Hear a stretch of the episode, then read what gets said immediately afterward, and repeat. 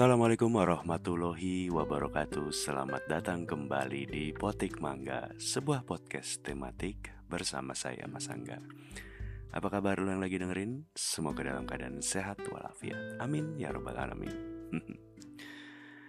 Kalau nggak ada halangan baik dari Omicron maupun misalnya tiba-tiba Dorna Sports jadi ngambek maka mulai Jumat 18 Maret sampai tanggal 20 Maret 2022 hari Minggu, Indonesia akan menyelenggarakan MotoGP di sirkuit Mandalika di Kabupaten Lombok Tengah, Provinsi Nusa Tenggara Barat.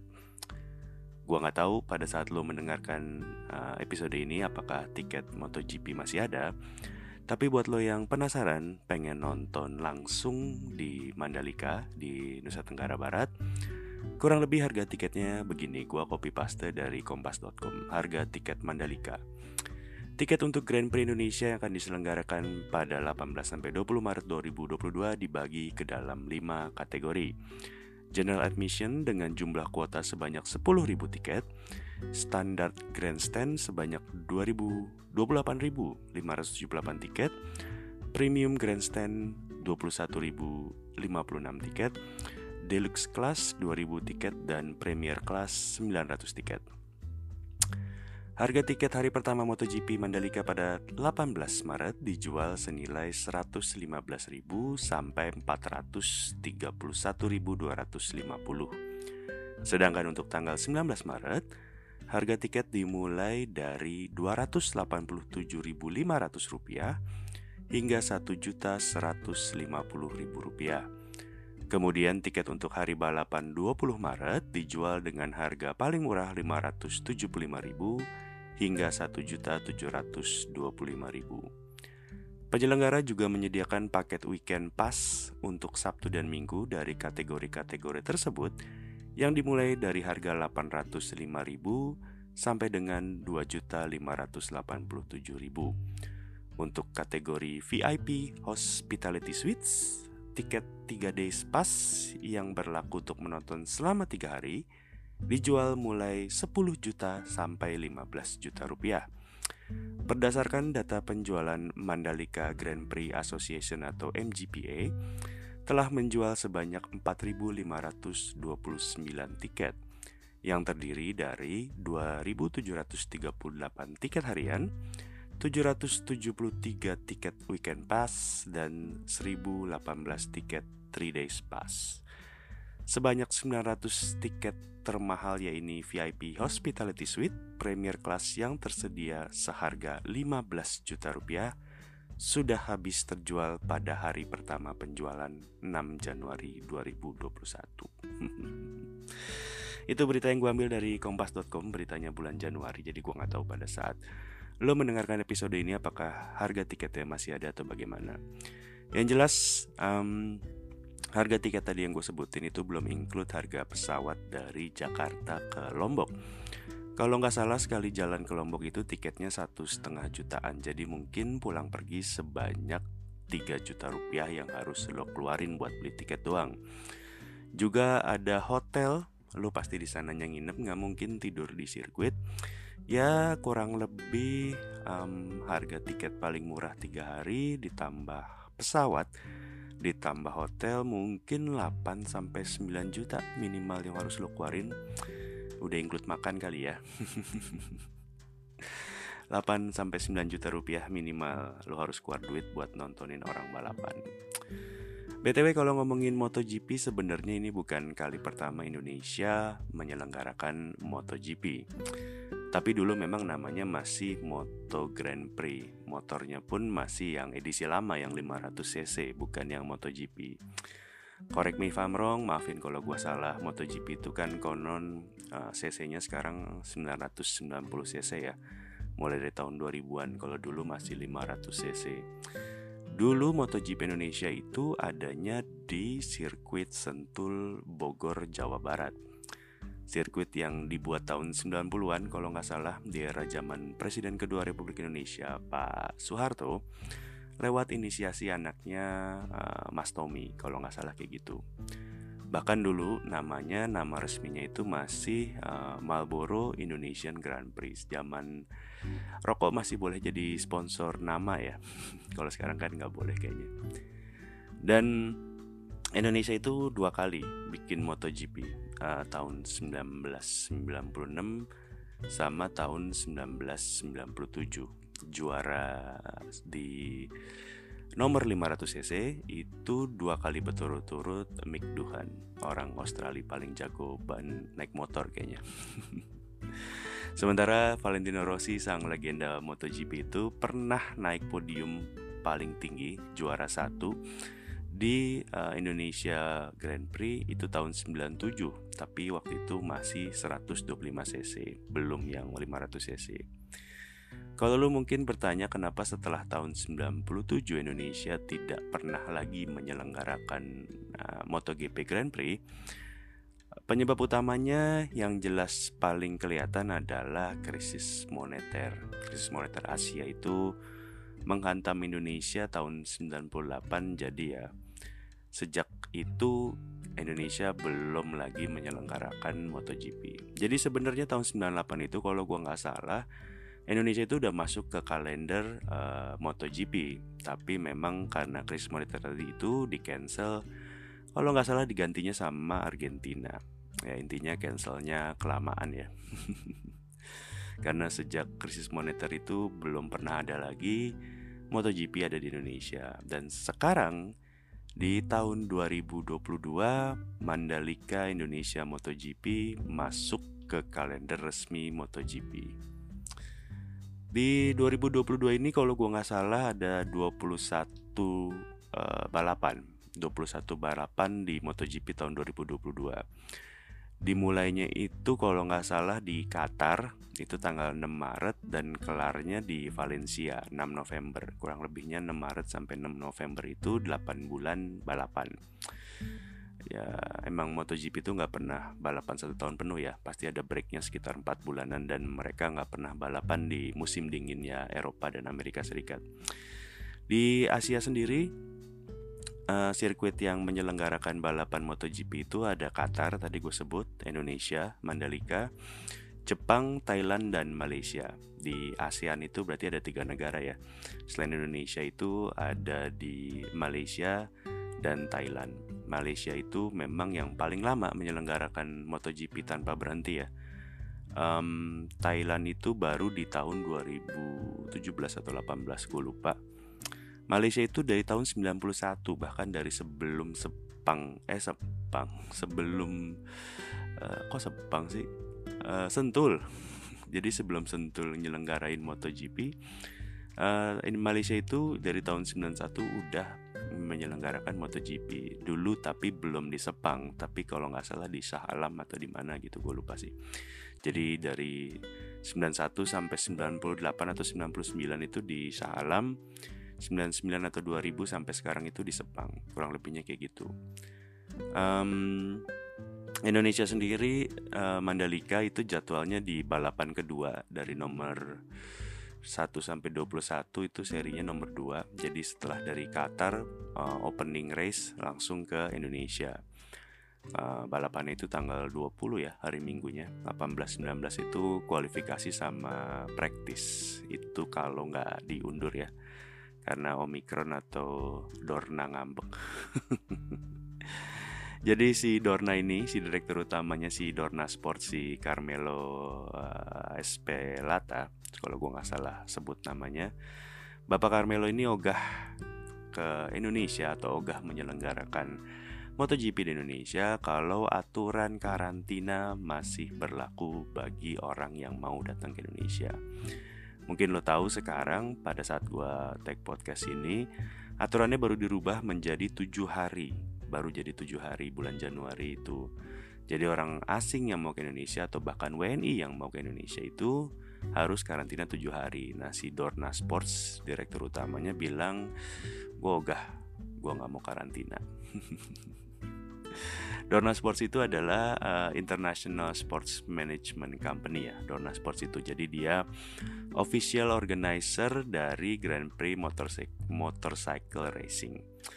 Jadi si hmm, apa namanya si Dorna Sports ini ngebeli hak komersil dari MotoGP uh, dari si Federasi Internasional Motorsport atau FIM. Jadi secara apa namanya ya secara kompetisi secara balapan masih punyanya FIM karena FIM itu adalah federasi sama kayak World Cup itu kan punyanya FIFA kemudian Olimpik itu punyanya IOC tapi untuk menyelenggarakan dan untuk menjual untuk mendapatkan keuntungan untuk menyelenggarakan itu di bawah naungan si Dorna.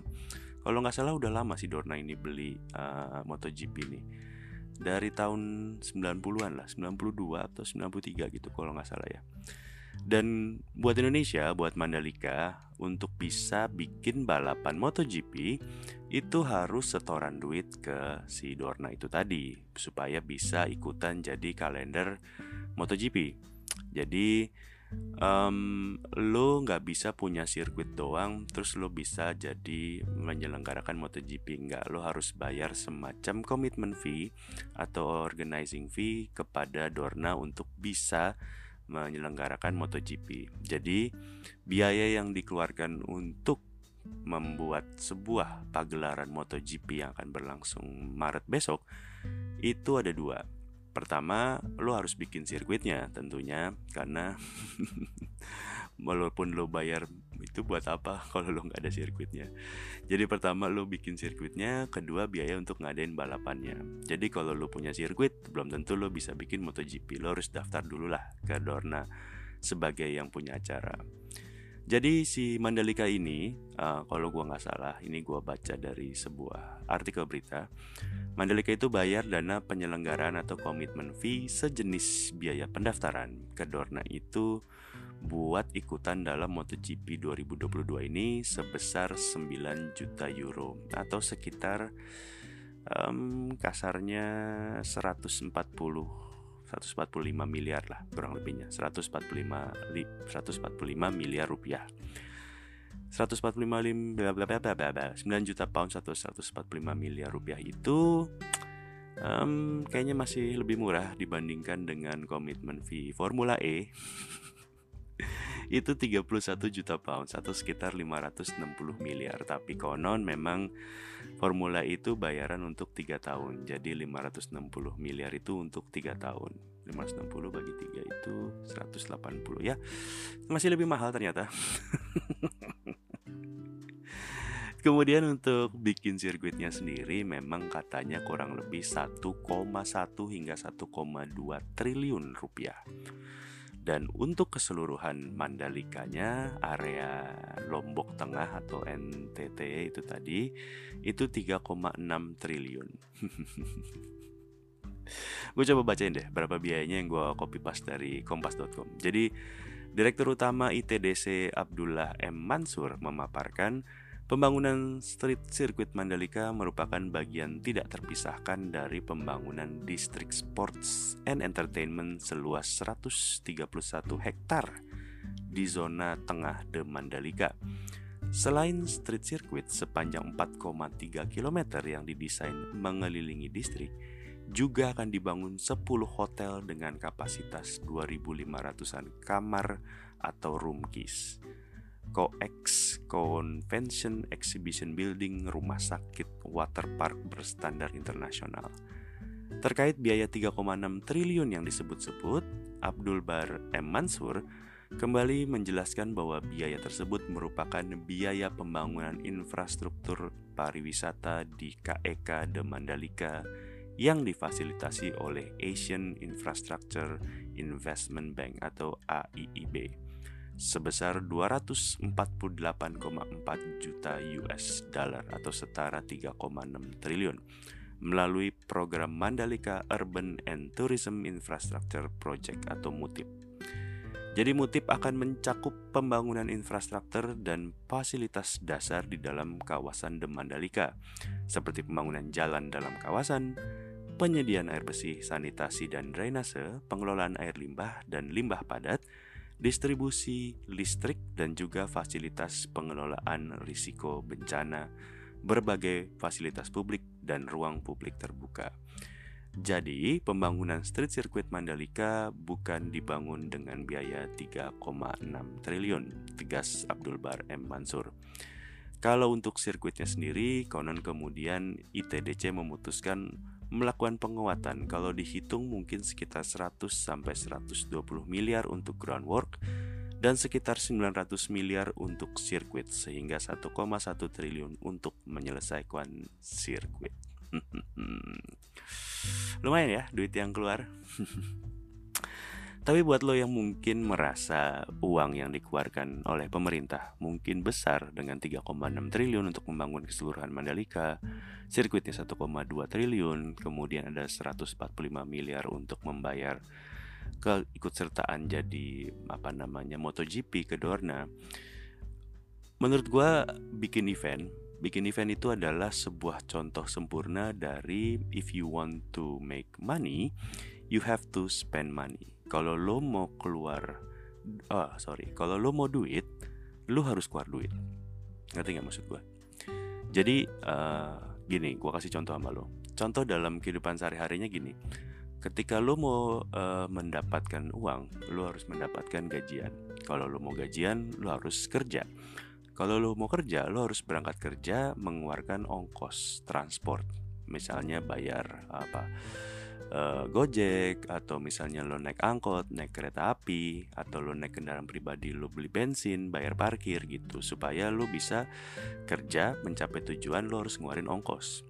Supaya lo dapat gaji, lo harus mengeluarkan ongkos ke sehari-hariannya termasuk misalnya makan, uh, ngekos dan seterusnya dan seterusnya. Kalau lo mau dapetin duit, lo harus ngeluarin duit. Nah, ada contoh lain kan misalnya katakanlah kalau tadi gue bilang bikin event itu adalah contoh sempurna dari bagaimana lo mengeluarkan uang untuk mendapatkan uang. Ketika lo bikin event lo harus modal produksian, modal talent, modal promosi supaya orang yang datang bayar tiket, kemudian ada sponsor, ada ini, ada itu, ada profit. Cuman kalau kita bicara eventnya dalam bentuk pemerintah, atau misalnya dalam gak usah pemerintah lah swasta atau mall-mall pun melakukan hal yang sama profit itu nggak melulu masalah uang profit itu nggak harus bentuknya rupiah profit dalam hal Mandalika hal ini mungkin nggak cuman yang kelihatan dalam bentuk duit tapi bisa juga dalam bentuk branding atau nama baik dalam hal Mandalika atau MotoGP lo keluar duit bikin sirkuit, bikin infrastruktur, bayar uang balapan ke Dorna Menurut gue pemerintah pasti sudah memikirkan sebuah hal jangka panjang. Kenapa? Karena MotoGP itu setahun sekali. Setahun sekali, habis tahun 2022 ini MotoGP akan baru ada lagi ya 2023. Nggak ada satu sirkuit menyelenggarakan dua balapan dalam satu tahun. Satu negara bisa menyelenggarakan 2 sampai 3 balapan dalam setahun tapi di sirkuit yang berbeda. Kalau Indonesia punya 5 sirkuit bisa aja 5-5-nya didaftarkan dan bisa aja mem memperoleh hak untuk bisa menyelenggarakan MotoGP. Tapi Mandalika cuma ada satu otomatis Mandalika adalah event setahun sekali. MotoGP hanya setahun sekali tiga hari dalam setahun. Bahkan balapannya cuma sekali dua hari itu cuma praktis. Artinya ada 365 hari sisanya yang ditargetkan sama pemerintah untuk datengin turis. Karena gimana ya um, Mandalika itu tadi kan gue bilang cuma sehari dalam setahun. Artinya gimana caranya dalam sisa tahunnya itu orang tetap akan datang ke Mandalika. Jadi konon uh, yang nonton MotoGP ini gue waktu itu gue lupa data tahun 2019 atau tahun 2020. Mungkin datanya sudah berubah tapi kurang lebihnya kayak gini. Yang nonton MotoGP itu satu dunia itu kurang lebih ada 400 juta penonton itu nontonnya mulai dari TV, streaming, nonton di cafe dan seterusnya dan seterusnya jumlahnya kurang lebih ada 400 juta penonton. Itu baru balapannya doang.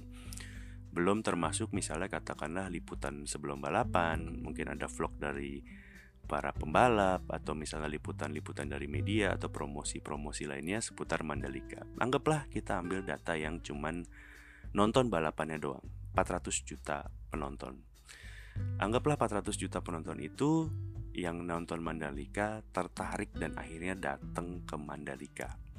Ada satu persen aja dari 400 juta itu artinya Mandalika akan kedatangan 4 juta orang turis. Bayangin. 400 juta yang nonton dari rumah nih pada saat balapan nih 20 Maret besok anggaplah habis nonton itu ada satu persen dari yang nonton ah kayaknya gue pengen nih ke Mandalika kayaknya tempatnya bagus kayaknya tempatnya asik. Satu persen aja. 4 juta orang 4 juta turis. Anggap aja mereka um, turis-turis yang atau penonton-penonton MotoGP ini yang pengen jadi turis itu adalah bule-bule miskin lah. Bule-bule backpacker cuman ngabisin duit misalnya katakanlah 5 juta rupiah di Mandalika di Nusa Tenggara Barat itu tadi 5 juta rupiah per orang yang datang. Ada 4 juta orang dikali 5 juta rupiah. Itu artinya 4 kali 5 20 triliun.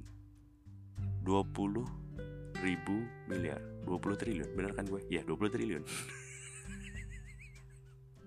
Inilah akibatnya kalau podcast tanpa persiapan Intinya akan ada 20 triliun duit masuk dari menyelenggarakan Mandalika. Tadi kan bikin sirkuit 1,1 triliun, bikin semuanya 3,6 triliun. Anggap ditambah aja jadinya 4,7 triliun. Tambahin uh, biaya penyelenggaraan, biaya ini, biaya itu, anggaplah tadi 145 miliar, anggaplah 1 triliun lagi Anggaplah total 5 sampai 6 triliun total-total pemerintah membuat Mandalika. Ketika ada 4 juta orang 1% dari 400 juta itu datang, menghabiskan 5 juta rupiah akan mendatangkan devisa 20 triliun rupiah untuk dihabiskan di The Mandalika. 20 triliun sudah lebih dari sekedar balik modal yang cuman 5 sampai 6 triliun. cuan 15 triliun, cuan 15 triliun ya anggaplah tadi dari 4 juta ada yang betah kan. Nggak mungkin dong 4 juta 4 jutanya. Mungkin ya ada yang stay di di Mandalikanya gitu jadi agenda dari tahunan. Dari 4 juta itu satu persen yang bener-bener bolak-balik dan betah gitu ada 40 ribu orang. Itu kan udah wow wow wow wow. Artinya memang kalau lu lihat sekarang angka yang dikeluarkan triliunan angka yang dikeluarkan besar menurut gua sih gua sangat yakin ini akan jadi sebuah prospek ekonomi bisnis yang sangat luar biasa. Dan pemerintah pastinya bukan tanpa perhitungan yang matang bikin dan ngeluarin duit segini gede gitu. Dan toh kan memang uh, dalam proyeksinya dalam jangka panjang pastinya akan mengembalikan modalnya dan tentunya akan membawa Mandalika jadi salah satu tempat yang sangat bergengsi sangat dinanti, sangat ingin dikunjungi oleh para wisatawan. Yaitu baru bicara industri pariwisata. MotoGP tentunya adalah juga melibatkan industri otomotif. Kalau bicara soal industri otomotif, Indonesia adalah negara terbesar di dunia untuk angka kepemilikan sepeda motor. Total motor di Indonesia tahun 2019 itu kalau gua nggak salah ada 121 juta 771.136 unit. Gue ulangin. Ini gue nyontek nih. Total motor Indonesia itu ada 112 juta 771.136 unit. 112 juta. Orang Indonesia itu konon ada 270 juta penduduk. Ada 112 juta orang yang punya motor dari 270 juta penduduk. Sisanya nebeng gue rasa abis tuh orang Indonesia. Udah bisa naik motor semua kita. Sebagai perbandingan, jumlah kendaraan roda 4 atau kendaraan berpenumpang, mobil lah bahasa bahasa lainnya.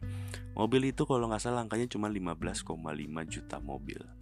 Artinya 15 juta dibandingkan dengan 112 juta itu kurang lebihnya satu mobil sebanding dengan 7 motor, tujuh setengahan motor lah.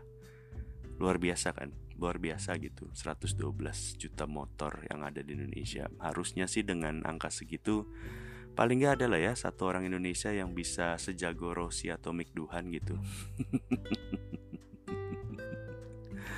Artinya untuk bikin acara balapan motor di negara yang punya pasar 112 juta sepeda motor, artinya ini adalah sebuah hal yang sangat wajar. Sangat bikin para produsen, para merek sepeda motor tuh tertarik buat sponsorin. Menurut gua kayak gitu sih. Malah mungkin ini udah sebuah hal yang telat ya. baru diadain lagi uh, 2022 setelah absen dari tahun 98 ya sekitar berapa tuh 24 tahunan gitu ya begitulah Tapi tentunya yang tidak telat adalah pengerjaan dan persiapannya ya. Sepertinya memang ini sebuah proyek khusus yang dikawal terus oleh pemerintah gitu. Pak Jokowi sendiri uh, sudah meresmikan sirkuit Mandalika ini di tahun 2021 tepatnya di 12 November gitu.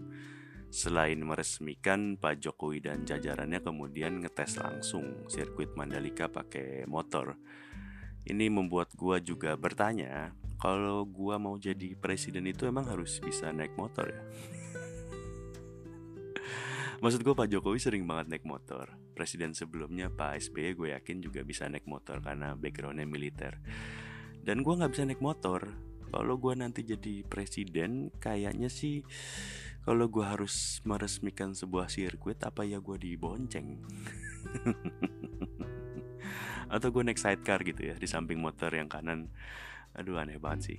Gak keren banget gitu presiden naik sidecar gitu. Jadi ya kayaknya dari kejadian ini gue memutuskan kalau misalnya gue nanti jadi presiden kayaknya salah satu kebijakan gue dalam lima tahun pertama adalah tidak membuat sirkuit baru. Pakai aja yang lama lah masih bagus juga kayaknya gitu. Kayaknya ketimbang gue harus meresmikan sebuah sirkuit dengan cara dibonceng atau naik sidecar kayaknya lebih baik tidak usah membuat sirkuit baru ya. BTW setelah meresmikan di November kemarin 2021 Jadi gue kemarin ada sempat berita tanggal 13 Januari 2022 itu Pak Jokowi kembali ke Mandalika. Buat ngecek apakah Mandalika udah oke okay buat persiapan MotoGP Maret besok ini. Jadi Pak Jokowi meminta bahwa tidak ada yang sembarangan membuka atau unboxing motor pembalap pada saat MotoGP Mandalika 18 sampai 20 Maret mendatang. Larangan itu disampaikan Pak Jokowi karena tidak ingin keributan pada World Superbike Mandalika tahun lalu terulang. Pak Jokowi tidak mau isu-isu negatif dalam penyelenggaraan MotoGP Mandalika. Dia berkata isu-isu tersebut berpotensi menimbulkan kesan negatif dunia internasional kepada Indonesia. Jadi, Sebelum MotoGP besok itu, Mandalika memang sudah pernah diuji cobakan untuk pelaksanaan ajang internasional lainnya. Di tahun 2021 itu ada Superbike. Dan kayaknya karena pertama kali memang Mandalika bikin event kelas dunia, tentunya ada hal-hal yang mungkin agak lucu sepanjang event gitu ya. Tapi memang menurut gue wajar karena kali pertama ya. Kali pertama itu pasti sesuatu hal yang mungkin lo belum terbiasa. Tadi Pak Jokowi sempat sampai mention bahwa jangan sampai ada yang unboxing motor karena memang pada saat sebelum pagelaran World Superbike kemarin pas motor-motor dikirim ke Mandalika itu ada youtuber lokal yang ngebuka box motor dan melakukan review. Itu sempat heboh di dunia maya karena memang harusnya motor itu sebuah rahasia. Gak boleh dibuka sama orang lain kecuali sama official team atau dari tim Bea Cukai kalau nggak salah kayak gitu. Jadi karena Hal tersebut bisa bocor ke kompetitor ketika apa namanya motornya diekspos sebelum waktunya. Um, gimana ya? Ada beberapa hal juga dalam pas Superbike kemarin itu yang unik menurut gua. Ya gua nggak bilang ini ya, gimana ya, tapi ini menurut gua unik. Gua yakin ya memang tadi Mandalika baru kali pertama untuk menyelenggarakan event dunia. Pembalap-pembalap pun juga baru datang pertama kali ke Indonesia ke Mandalika gitu untuk balapan. Jadi ada beberapa hal yang memang unik dan sempat mencuri perhatian di internet. Kayak misalnya ada Marshall yang melakukan ibadah di sisi lapangan. Ada Marshall yang kayak malah flip battle pada saat balapan gitu ya sampai dikomentarin sama casternya, komentator di TV-nya gitu karena memang sekali flip battle langsung berhasil. Karena Kalau nggak salah World Superbike itu sempat ditunda karena memang ketidaksiapan uh, sumber daya manusia. Sejatinya itu harusnya si Marshall yang di Mandalika World Superbike itu mempekerjakan warga lokal Lombok. Cuman memang karena belum berpengalaman, belum cukup pelatihan, jadi memang akhirnya pada saat World Superbike itu ada sebagian Marshall yang diimpor dari Sepang Malaysia gitu ya. Mungkin semacam pendampingan biar belajar dari yang memang sudah pengalaman untuk ngadain balapan gitu ya. Terus juga kayak uh, para pembalap superbike itu kan memang apa ya tadi gue bilang baru pertama kali datang ke Mandalika itu juga sebuah ada pengalaman-pengalaman unik yang dirasain oleh para pembalap itu. Kayak misalnya ada pembalap yang diserbu buat selfie pada saat keluar pedok ada pembalap yang ditawarin gelang sama bocah. Pada saat di pantai ada pembalap yang beli bensin eceran. Ada pembalap beli bensin eceran. Lo juga aja sendiri kalau lo mikir gue bercanda ada tuh beritanya mungkin masih ada ya. Artinya memang ya nggak cuma buat penyelenggara tapi buat para pembalap tentu ini juga kali pertama merasakan sebuah hal yang Indonesia banget lah. Karena memang kan ini baru kali pertama ya Superbike ataupun nanti MotoGP ada di Indonesia gitu. Artinya kita harapkan semoga Mandalika ini bisa bertahan lama. Nggak kayak Sentul yang cuma 2 tahun. Pengennya kayak Malaysia yang bisa dari tahun 90-an sampai sekarang masih ada Mandalika. Ya semoga lah, semoga, semoga. Tapi ya BTW kenapa namanya Mandalika itu? Mandalika itu diambil dari sebuah apa ya um, legenda rakyat tokoh suku Sasak Putri Mandalika yang cantik dan jelita. Jadi kisahnya konon cukup tragis karena sang putri memutuskan untuk nyebur ke laut pada saat pengumuman para calon pangeran yang mau ngelamar dia, ketimbang dia memilih salah satu calon pangeran. Jadi si putri ini saking cantiknya dilamar oleh banyak pangeran. Suatu hari si putri ini memutuskan untuk ngumpulin semua pangeran yang ingin melamar dia untuk ceritanya pengumuman atau semacam apa ya ya pengumuman lah dikumpulin di sebuah apa sih uh, tebing pantai gitu bukit kurang lebihnya. Seluruh pangeran hadir si putri uh, bukannya memilih salah satu di antara pangeran tersebut tapi memilih untuk terjun ke laut. Mungkin ketimbang memilih satu dan mematahkan hati yang lainnya sang putri untuk uh, memilih mengorbankan diri sendiri. Begitulah asal-usul Mandalika yang saya googling barusan.